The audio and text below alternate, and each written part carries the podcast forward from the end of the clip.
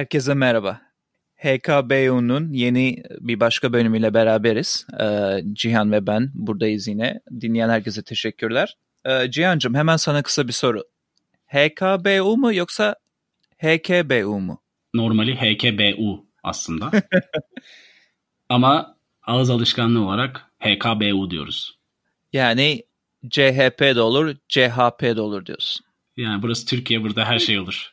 Sen ne kadar sen ne kadar biraz uzakta olsa da işine evet. göre işine, işine geldiği gibi bir şekilde ayarlarız diyorsun. Evet, burada su yolunu bulur Samet'ciğim. Hemen çok kısaca nasıl keyifler? Ee, idare etmeye çalışıyoruz. Mevcut gündemi sen de biliyorsun. Senin evet. nasıl? Burada da e, mevcut gündem çok iç açıcı değil. Ama madem gündem böyle yoğun ve biraz da bizi gündelik hayatta etkiliyor, neden bir sıcak gündem bölümü yapmayalım dedik. Dolayısıyla dinleyicileri bugün nelerden bahsedeceğimizi e, anlatmak ister misin? Ee, tabii ki. Dediğin gibi hani gündem bizi yeterince boğuyor. İçinde kayboluyoruz çoğu zaman.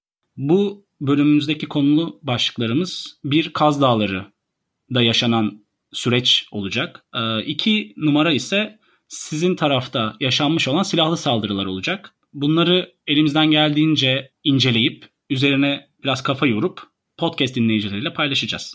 Evet bir de yani e, bu kayıtlarımızı işe gidip gelirken işte spor yaparken, yürüyüş yaparken veya ne, nerede olursa olsun dinlerken aynı anda gündemi de çok bu aralar takip etmeme şansı olan ama yine de bu Kaz Dağları'nı sürekli duyan veya Amerika'daki e, saldırıları ana haber bültenlerinde duyan insanlara biraz daha bilgi vermek aslında bu evet, konularda. Evet, dediğin gibi biraz daha kafa açmak şeklinde de yorumlayabiliriz. O zaman hemen dalalım ilk konumuza. İstersen Kaz Dağları'ndan başlayalım diyorum ben. Ee, şimdi benim gibi e, cahil insanlar için öncelikle bu Kaz Dağları nerede abi?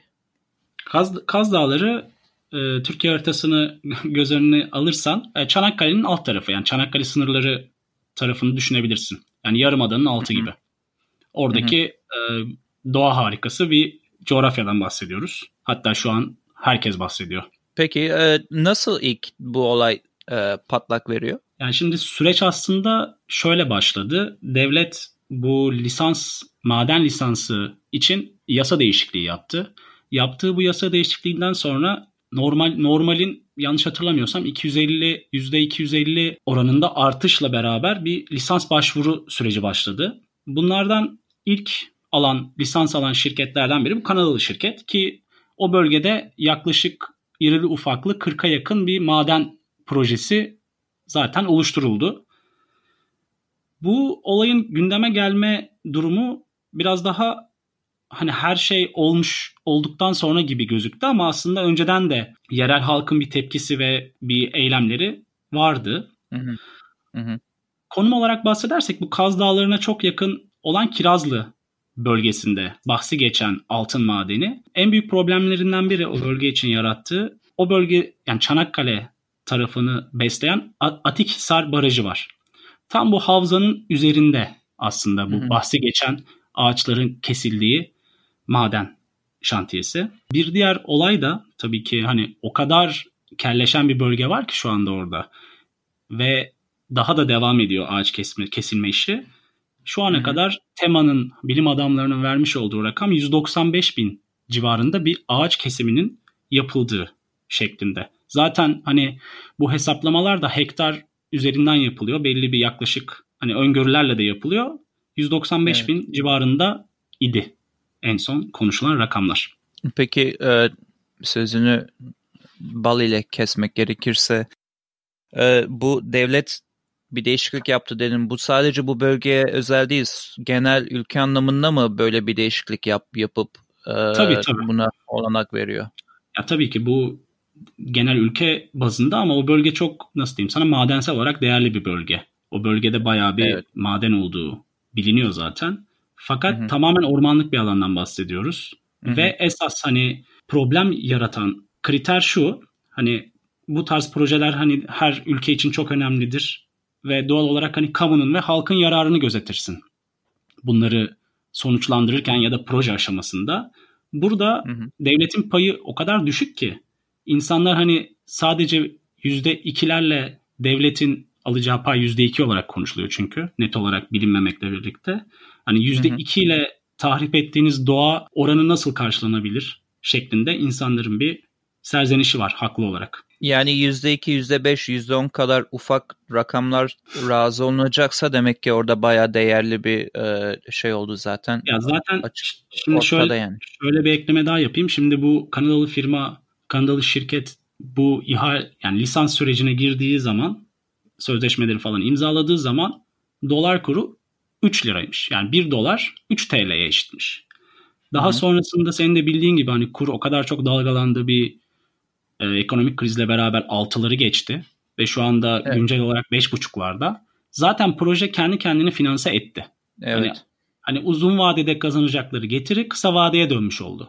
Bu da hani Kanadalı firma için böyle bulunmaz, çok istisnai durumlardan biri. Evet yani papaz bir anlamda direkt olarak olmasa da indirekt olarak e, Kanadalı firmaya bayağı bir yardımcı olmuş diyebiliriz o zaman. Yani tabii ki hani devlet ihaleleri biraz daha farklı ilerliyor ve bir sürü lisans alma aşamasında olan maden firması olduğu da söyleniyor. Ee, süreç nasıl ilerler bilmiyorum ama şu anki durum çok tatsız. Peki sana şöyle bir şey desem.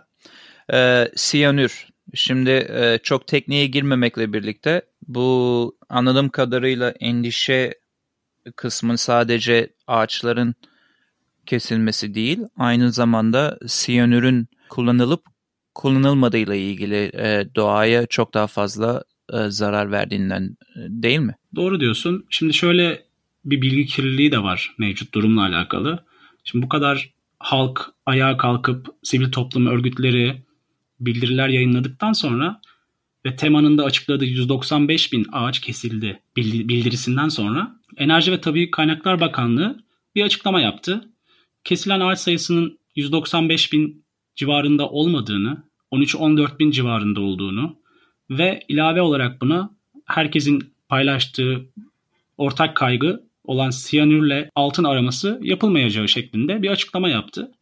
E, fakat her bu, bu kadar kritik proje öncesinde bir rapor yayınlanır. ÇED adı altında. Bu çevresel etki değerlendirilmesi raporudur.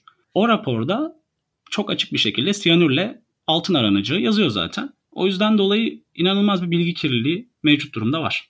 Peki yerel halkın ve ülke genelinde de zaten şu anda acayip bir tepki buradan takip edebildiğim kadar ediyorum.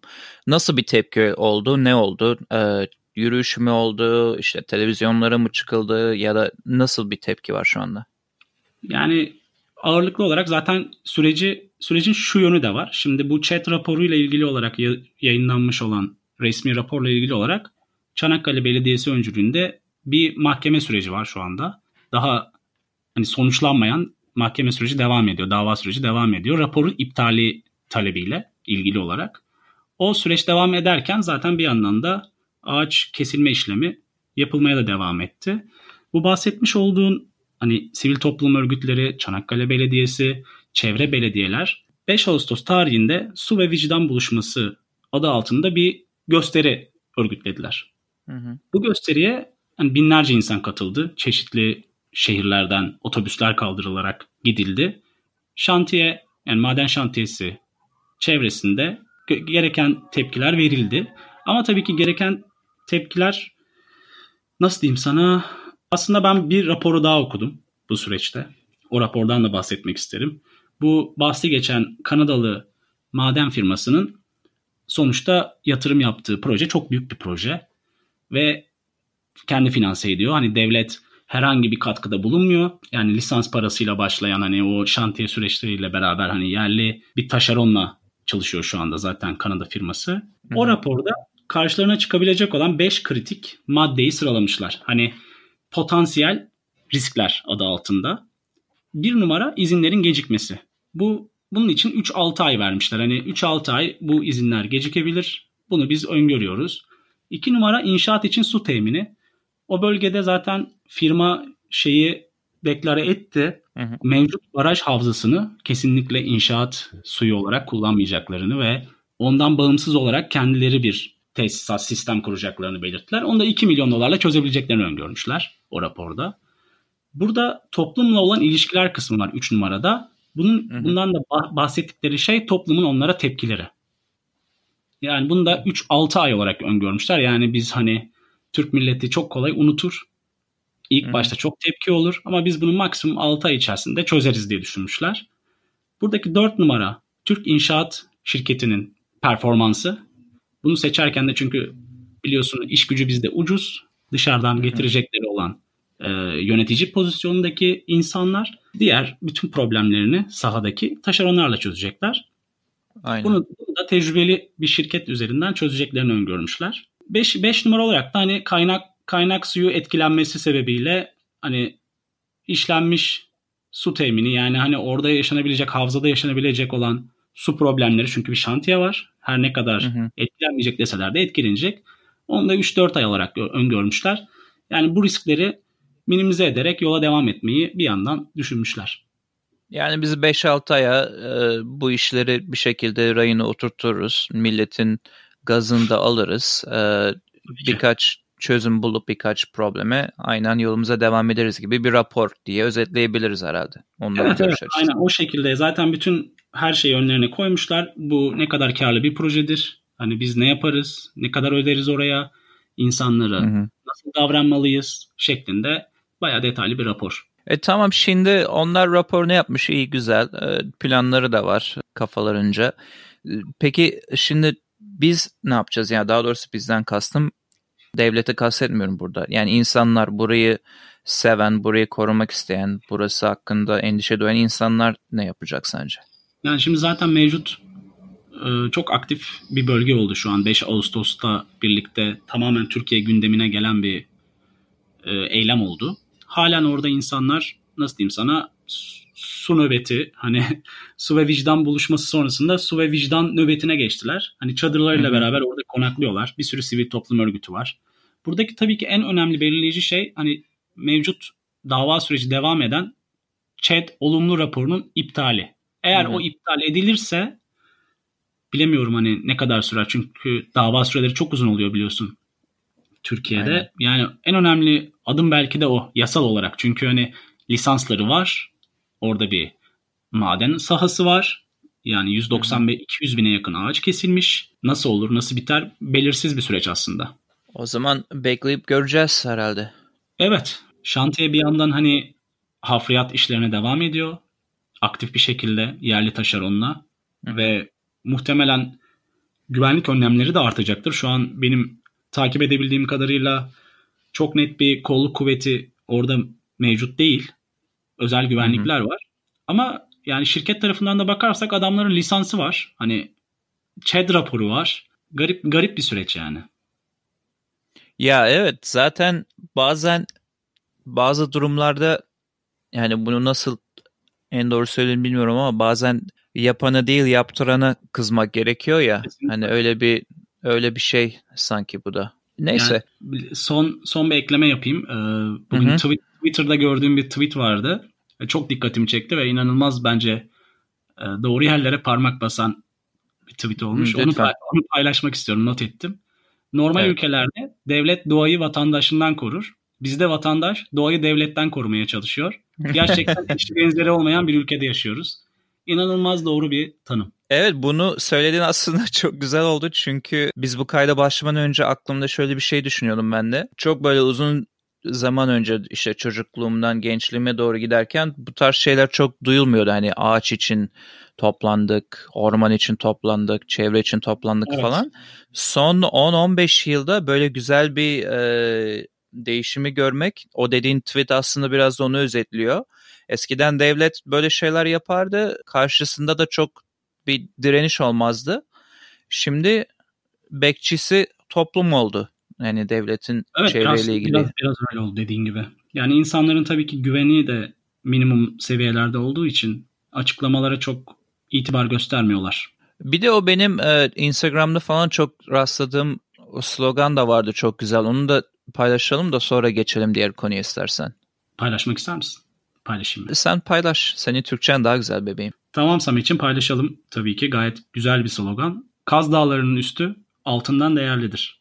Aynen çok güzel. Benim çok hoşuma gitti. Orada bir kelime oyunu da var. Kelime oyunları zaten e, Türkçenin vazgeçilmezi. Çok vazgeçilmezi ve çok etkili oluyor. Yani kısaca böyle bir şey oldu. Aslında çok güzel özetlerini teşekkür ediyorum. Benim gibi e, çok fazla derin konuyu derince bilmeyen insanlar için. Aslında bunu takipte kalıp belki birkaç ay sonra veya e, bir yıl sonra ne zaman artık mahkemeler e, karar verir ve bunda e, somut bir gelişme olursa yine bir follow-up sonuç bölümü yapabiliriz bununla ilgili. Evet olabilir dediğin gibi. Diğer konu burada dolayısıyla Kaz Dağları konuşulmuyor tahmin edebileceğin üzere. ee, burada daha farklı bir panik ve tepki var. O da başında senin bahsettiğin gibi e, silahlı saldırılar yine hortladı. Yine toplumun kanayan yarası diyeyim ana haber bülteni style. Silahlı saldırı işte taramalılar, küçük yaşta çocukların e, büyük silahlara erişimi falan filan derken son bir buçuk haftada falan üç tane e, silahlı saldırı Amerika'nın üç farklı yerinde maalesef gerçekleşti. Ve giderek, ee, giderek artan ölü sayısıyla beraber gerçekleşti. Giderek artan ölü sayısı, yılbaşı e, silahlı saldırı sayısı da giderek artıyor. Biraz da bunda tabii siyasilerin söylemleri çok büyük rol oynuyor. Ee, çok kısaca bu üç saldırıdan bahsedelim. Mesela neden oldu? Gerçi neden olduğuna yüzde yüz kanıt olmasa da bazı e, polisin ve FBI'nin tahminleri var. Ama hı hı. ilk önce 19 yaşındaki bir çocuğun bir assault style rifle yani taramalı şeklinde gelişmiş hmm. bir silahla bir garlic festival yani bir yemekle sarımsak, ilgili sarımsak sarımsak Aynen yani sarımsakla ilgili yemeklerin yapıldığı bir festivale arka kısmından çitleri keserek girdiği hmm. tespit edilmiş. Burada en üzücü şey bu arkadaşı polisler orada güvenlik iyi olduğu için e, kısa sürede e, tek tabanca atışları da olsa bir şekilde bu çocuğu elimine ediyorlar ama maalesef burada üzücü olan şey Amerika'nın çok gündemine oturan 6 yaşında ve 13 yaşında iki çocuğun hayatını kaybetmesi üstüne bir de 25 yaşında bir birinin hayatını kaybetti. Yani toplam 3 kişi toplam burada üç hayatını kaybetti. Evet yani bu zaten bu bu arada Kaliforniya'da oldu bahset bunu söylemeyi unuttuysam Kaliforniya'da gel. Gilroy kenti galiba. Evet bu Kaliforniya'da çok da bilinmeyen bir yer aslında orası. Yani bu televizyonlarda gördüğünüz meşhur e, büyük plajlı yerlerden falan değil ama e, yine de çok gündeme oturdu özellikle çocukların hayatını kaybetmesiyle derken onu biz daha atlatamadan Texas El Paso'da 22 kişinin hayatını kaybettiği bir cumartesi günü e, Walmart dedikleri bir e, büyük bir alışveriş merkezi var burada. Yani Türkiye'de neye eşdeğerdir bilmiyorum şimdi. Sen biliyorsan aklına geliyorsa söyle bir tane. Ya, reklam yapmıyorum. Ee, yani evet büyük alışveriş merkezleri genelde yemekten eşyayı her şeyi bulabildiğin ve aslında çoğu yerde de e, gece yarılarına kadar açık olan bir, bir yer. Oraya evet. giriş yapıyor bu çocuk maalesef orada 22 kişi hayatını kaybediyor. Burada biraz daha bilgi sahibiyiz. Ee, yaralı, yaralı sayısı da çok fazlaydı orada. Yanlış hatırlamıyorsam 26 yaralı civarında bir açıklama vardı. Evet yaralı sayısı da fazla. Bu e, saldırıyla ilgili şöyle bir fark var diğerlerine oranla.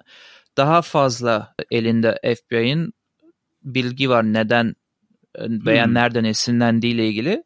Bu kişinin e, anti-immigrant yani göçmen karşıtı dokümanlar sahip ırkçı olduğu ortaya. Evet, hem white nationalist yani beyaz ırkçı hem de göçmen karşıtı olduğu dokümanlar e, bulmuşlar e, işte ikamet ettiği yerde. Bu çocuk ele canlı geçirildi. Dolayısıyla bu çocukla ilgili bir şeyde düşünülüyormuş. Yapılacak Yargılama olan mı? yargılamada bir death penalty yani ölüm, ölüm cezası. cezası verme gibi bir şey olacak diyorsun. Çünkü 22 ölüden bahsediyorsun. Ve Texas evet. eyaleti orada zaten ölüm cezası hali hazırda var. E, evet aslında Amerika'da bilmeyenler için en çok e, ölüm cezasını kağıt üzerinde değil de gerçekte uygulayan eyaletlerden biri Texas'tır. Texas'ta böyle bir şeyi yapması dolayısıyla ölüm cezasına bu, bu kişiyi çok yakınlaştırıyor. Ondan sonra daha onu atlatamadan 9 kişinin daha hayatını kaybetti. Dayton, e, Ohio'da bir saldırı oldu. Oradaki saldırıyı yapan ele ölü geçirildi. O kişi e, yakalanamadı canlı. En son um, 9 ölü olarak görmüştüm ben. Sayı değişti mi acaba? En son 9 diye hala geçiyor CNN gibi kaynaklarda. Yani 20, burada da 24 tane yaralı olduğu bilgisi verilmişti.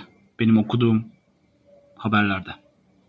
Evet. Bu kişinin de sadece motifi çok belli değil ama şiddet içeren okay. şiddet içeren ideolojileri takip e, ettiği özellikle Twitter hesabından bu tarz şiddetle ilgili işte aşırı solcu, aşırı anti polis. Uçlarda yani hani evet. uçlarda olan şeyleri takip edip diyorsun ona göre karakterini şekillendirip kendini böyle bir ortama sokmuş. Ya açıkçası bu çocukla ilgili şöyle bir şey ben okudum. Eski kız arkadaşının verdiği bir röportaj var. Genelde e, bir şeyler içmeye, yemeye çıktığımızda işte e, bir randevu olduğunda veya işte date night olduğunda bu arkadaş mass shootings, toplu silahlı saldı geçmişte olan toplu silahlı saldırılardan ne kadar etkilendiğini aslında bu, bu kız arkadaşa bahsetmiş. Yani şimdi şöyle bir şey var. Walmart, Texas'ta Walmart'ta olan saldırı ırkçılık motifiyle gerçekleşmişken buradaki saldırının biraz daha mental problemle akli denge akli evet, denge evet. problemiyle beraber geçtiğini evet, evet. söylüyorsun yani. Çünkü e, zannetmiyorum ki çoğu insan e, kız arkadaşına bu akşam yemeğe çıkalım mı e, senle yapılan toplu saldırılar hakkında sohbet etmek isterim der yani. O bu kişi böyle şeyler yapmış kız arkadaşın dediğine göre. Enteresan. Genellikle silahlardan bahsedip toplu ölümlerden falan konu açıyormuş. Zaten o yüzden adı eski kız arkadaş olsa gerek. Çok uzun sürmemiş o ilişki.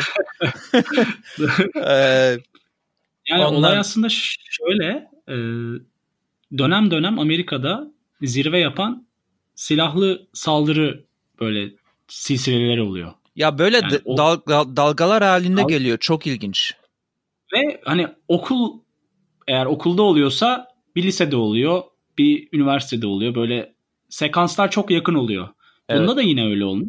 Evet. Yine toplu olan bir alışveriş yeri, işte festival yeri, etkinlik yeri şeklinde olmuş. Evet evet. Bu Amerikan değişmen gerçeği oluyor çünkü orada silah silaha ulaşmak çok kolay anladığım kadarıyla. Senin o tarafta nasıl? Kaliforniya tarafında. Silaha ulaşmak çok kolay doğru söylüyorsun ama biraz daha Kaliforniya'da zor olsa da şu, maalesef şöyle bir e, açık buluyorlar bu işi kafasına takanlar ki sanırım ilk bahsettiğimiz saldırıdaki çocuk öyle bir şey yapmış. Başka bir eyalete arabanla sürüp orada hmm. kolayca bunu yine temin edip e, arabanla bu işi yapmak istediğin eyalete geri dönebiliyorsun ki bu ilk saldırıdaki 19 yaşındaki çocuk da e, söylentiye göre Nevada eyaletine gidiyor. Orada kanunlar Kaliforniya'ya göre çok daha esnek silah edinmek için. Oradan ediniyor böyle ağır bir silahı ve geri geliyor. Dalgalar halinde geliyor. Bir tane olunca 2-3 tane daha oluyor genelde. Sanırım bunun sebebi bir tanesi olunca belki aklında bunu yapmak olan birinin diğerinden e, cesaret alması veya bilmiyorum işte. Yani artık sürü psikolojisi olmuş biraz. Öyle, öyle bir şeyler olabilir. Bu olay yakında değişir mi? Değişmez. Benim fikrim e, böyle devam eder. Bu bu olaylar olduğu zaman Amerika'da genel olarak tabii ki eyalet eyalet olay değişiyor. Şu an bizim konuştuğumuz 3 farklı eyaletten bahsediyoruz. Kaliforniya, Texas bir de Ohio taraflarından bahsediyoruz. Hepsinin Aynen. yasaları farklı. Ama muhakkak şu an bir numaralı gündem o, ölü sayıları o kadar fazla ki ondan dolayı hani silahlanma yasaları. E, gündem oluyor açık ya ben sana açık konuşayım. Gündem oluyor böyle şeylerden sonra bir ay falan tartışılıyor ve gündemden e, çıkıyor. Başka şeyler yapılıyor. Sonra yine gündem oluyor. Silahlı saldırı olunca. Sonra yine gündemden çıkıyor. Sebebi de eyaletlerin kendince bunu zorlaştırmaya çalışan eyaletler veya kolay tutan eyaletlerin farklı kanunları varken e, anayasada e, right to bear arms dediğimiz yani silahlanma hakkın senin var denen bir e, şey olduğu için on yani yüzde yüz bir insana silah sahibi olamazsın veya olmayacaksın hiçbir zaman diyemezler burada. Şöyle bir şey diyeyim yani. sana. Şöyle diyeyim sana. Adı lazım değil başkanı da Amerika Birleşik Devletleri'nin bu olaylardan sonra attığı tweetlerde şöyle bir şey söyledi. Silahlardan hiç bahsetmedi doğal olarak. Onun bahsettiği şey bütün bu insanlar çok fazla video games oynamış yani şey oynamış sen söyle. Çok fazla bilgisayar oyunu oynamışlar, çok fazla şiddetli film izlemişler ve çok fazla bak burayı dikkat çekiyorum e, internet kullanmışlar diyerek tweet atıyor. Buradaki ironiyi Ha. yakalarsın. Ama tabii ki insanları çok fazla internet kullanarak öldürmedi yani. Yani bir alet kullanmadı. yani interneti kullanarak bunu söyleyen bir başkandan bahsediyoruz ki burada burada internet burada Twitter'da sanırım e, başkanlıktan daha çok vakit geçiren bir e, şahıstan bahsediyoruz. Dolayısıyla ya öyle yani sonuçta başka şeylere suçlanmaya çalışılıyor. Başka şeylere üzerine konmaya çalışıyor. Mesela e, kültürün çok önemli olduğundan bahsetmiş tweetlerinde. Kültür kültürde bir bozun bozukluk olduğunu falan bahsetmiş. Bunların düzelmesi gerektiğinden falan bahsetmiş. Yani silahtan bahset bahseden yok. Yani çevresinde dolaşmış diyorsun ana konunun ama ona hiç dokunmamış. Çevresinde dolaşmış. Sonuçta her ülkenin belli rutin problemleri var. Bu çok net ortaya çıkıyor. Evet, sana şöyle bir şeyle kapatayım. Yine hem sana hem ya sen zaten biliyorsundur buraya geldiğin için, yaşadığın için biraz ama eee, azıcık ucundan. Ama şöyle bir şey var. 25 yaşına kadar abi burada araba kiralayamıyorsun. Bak 20 değil, 23 değil, 25. Ama silahı alabiliyorsun. O, kadar diyorum yani sana. Ya o da biraz bir şeyler anlatıyor insanlara. Burada buradaki kanunların ve düzenlemelerin nasıl değişmesi gerektiğiyle ilgili. Çok ben fazla yorum kısmına girmek istemiyorum bunun. Çünkü Ya sadece zaten bu bahsettiğin süreç böyle şey, e, dejavu gibi. Sürekli böyle döngü halinde. Aa Evet, benzer evet. bir şey olmuş ya falan diyorsun. O siyah kediyi görmüştük diyorsun. Aa bak yine siyah kedi var. Evet çok güzel söyledin. Aslında bir dejavu aslında kendini tekrar eden bir plak gibi bir şey şu anda buradaki silahlı saldırılar. Artı bir de senle de şundan bahsetmiştik birbirimize kayıttan önce. False alarm yani panikten dolayı işte Times Square'de gürültü duyan yere yatıyor. İşte başka Walmart alışveriş merkezlerine girenler bir patırtı duyduğunda polisi arıyor. Yani böyle Bunlar çok ciddi anlamda şu anda olan şeyler. Benim yaşadığım buradaki ufak kasabada 90 bin kişilik bir nüfusa sahibiz. Ee, bu haftaki olaylardan sonra bütün okullar bir deneme şey yaptılar. Türkçesini unuttum sen söyle dinleyicilere. Tatbikat yaptılar diyorsun. Teşekkür yani. ederim. Teşekkür ederim benim bozuk Türkçemi e, buradan e, güzel yara Podcast Evet, podcast dinleyicilerimiz çok seviyor senin aksanını. O yüzden dinleyicimiz için ben dinleyicimiz için ben de tekrar etmek istiyorum. Ee, burada bir tatbikat yaptılar. Nasıl bir silahlı e, saldırı olduğunda çok en kısa zamanda ve güvenli bir şekilde e, sınıfları boşaltırız diye. Yani çok ciddi bir bir panik var. hassasiyet, toplumda büyük bir hassasiyet var şu anda. Panikle Evet. beraber. Evet evet hassasiyet ve panik ikisi de var. Biz bunu burada biliyorsun hani havadan nem kapmak diyoruz. Ama haklı sebepleri var insanların. Tabii tabii çok haklı sebepleri var. Yine böyle bir bölümü kısa tutalım veya ortalama tutalım derken farkında olmadan yarım saati geçtiğimiz bir e, yere doğru gidiyoruz. İstersen toparlayıp bu geleneksel hale getirmeye çalıştığımız ne öneriyoruz köşemizde bugün senden bir şeyler ve benden bir şeyler sunup kapatalım diyorum. Ne diyorsun? Peki diyorum o zaman sana. Başlıyorum. Buyur. Ee, bu sefer podcast dinleyicilerimize bir kitaptan bahsedeceğim. Bu kitap yeni bir kitap değil ama yeni baskısı var. George Orwell'in 1984 isimli kitabı. Bu can Oo. yayınlarından can yayınlarından geçtiğimiz aylarda çıkmıştı birinci baskısı. Hı hı. Ben ikinci baskısını edinebildim. Bu tasarım ödüllü bir baskı aslında. Özel bir seri. Hı hı. Bilim kurgu kitabı değil mi? Öyle ama o kadar günümüz dünyasıyla özdeşleşen bir hali var ki insan okudukça şaşırıyor. Ben bunu tavsiye ediyorum. Okum, okumuş olanlar da tekrar eline alıp tekrar benim gibi okuyabilir bence. Bunu tavsiye ediyorum. Aslında çok iyi fikir. Onu İngilizce okumaktansa Türkçe okumak da aslında benim için de güzel bir şey olabilir. Ben sana bunu kargolayayım. Bu özel sayıyı. Çok orijinal ve güzel. Sana ben bunu PTT ile yolluyorum. Sen de US, US, USPS ile teslim alırsın Samet'ciğim. Tamam ya o çok şükela olur öyle bir şey yaparsan. Teşekkür ederim.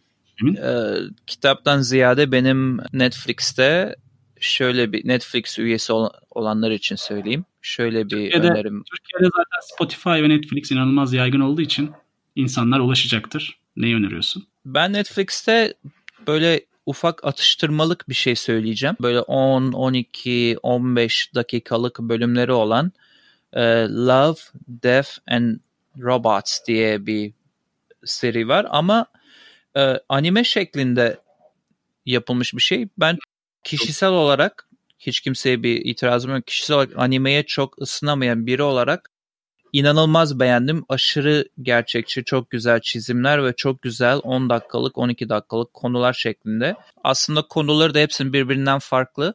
Her bölüm birbirinden bağımsız aslında değil mi? Tabii tabii %100 bağımsız. Hatta bazılarının sonucu da yok. Ee, giriş gelişme şeklinde bırakmışlar sonucuna senin hayal dünyanı tam tamamlaması açısından. Ee, Love, Death and Robots dizisinde veya serilerine en sevdiğim bölümde 3 robot var. O 3 robotun e, kısa 11 dakikalık hikayesine insanlar bakıp karar vermek isterse e, hı hı. güzel bir bölüm, izlemek için güzel bir bölüm diyebilirim. Ben de hepsini izlemedim. O yüzden seçip ben de senin önerdiğine bir göz gezdireceğim. Tamam o zaman kapatmadan önce senin çok kısa bir duyurun var. O küçük duyurudan sonra e, istersen kapatalım. Çünkü bayağı bir vaktini aldık dinleyicilerin. Ee, öyle yapalım Sametçim. Her bölüm sonunda ne öneriyoruz kısmında önerdiğimiz e, müzisyenlerin ya da şarkıların öyle bir skalasını tutmak için bir playlist oluşturduk. E, bu oluşturmuş olduğumuz playlisti bütün podcast dinleyicileri Spotify üzerinden takip edebilirler. Zamanla da gelişecek. Üstüne koya koya ilerleyeceğiz. O zaman buradan herkese teşekkür ederiz tekrar dinledikleri için. Hem bu bölümü hem diğer bölümleri. Evet, e, böylece bir bölümün daha sonuna geldik. Herkese iyi günler ve geceler diliyoruz. Hoşçakalın. Hoşçakalın.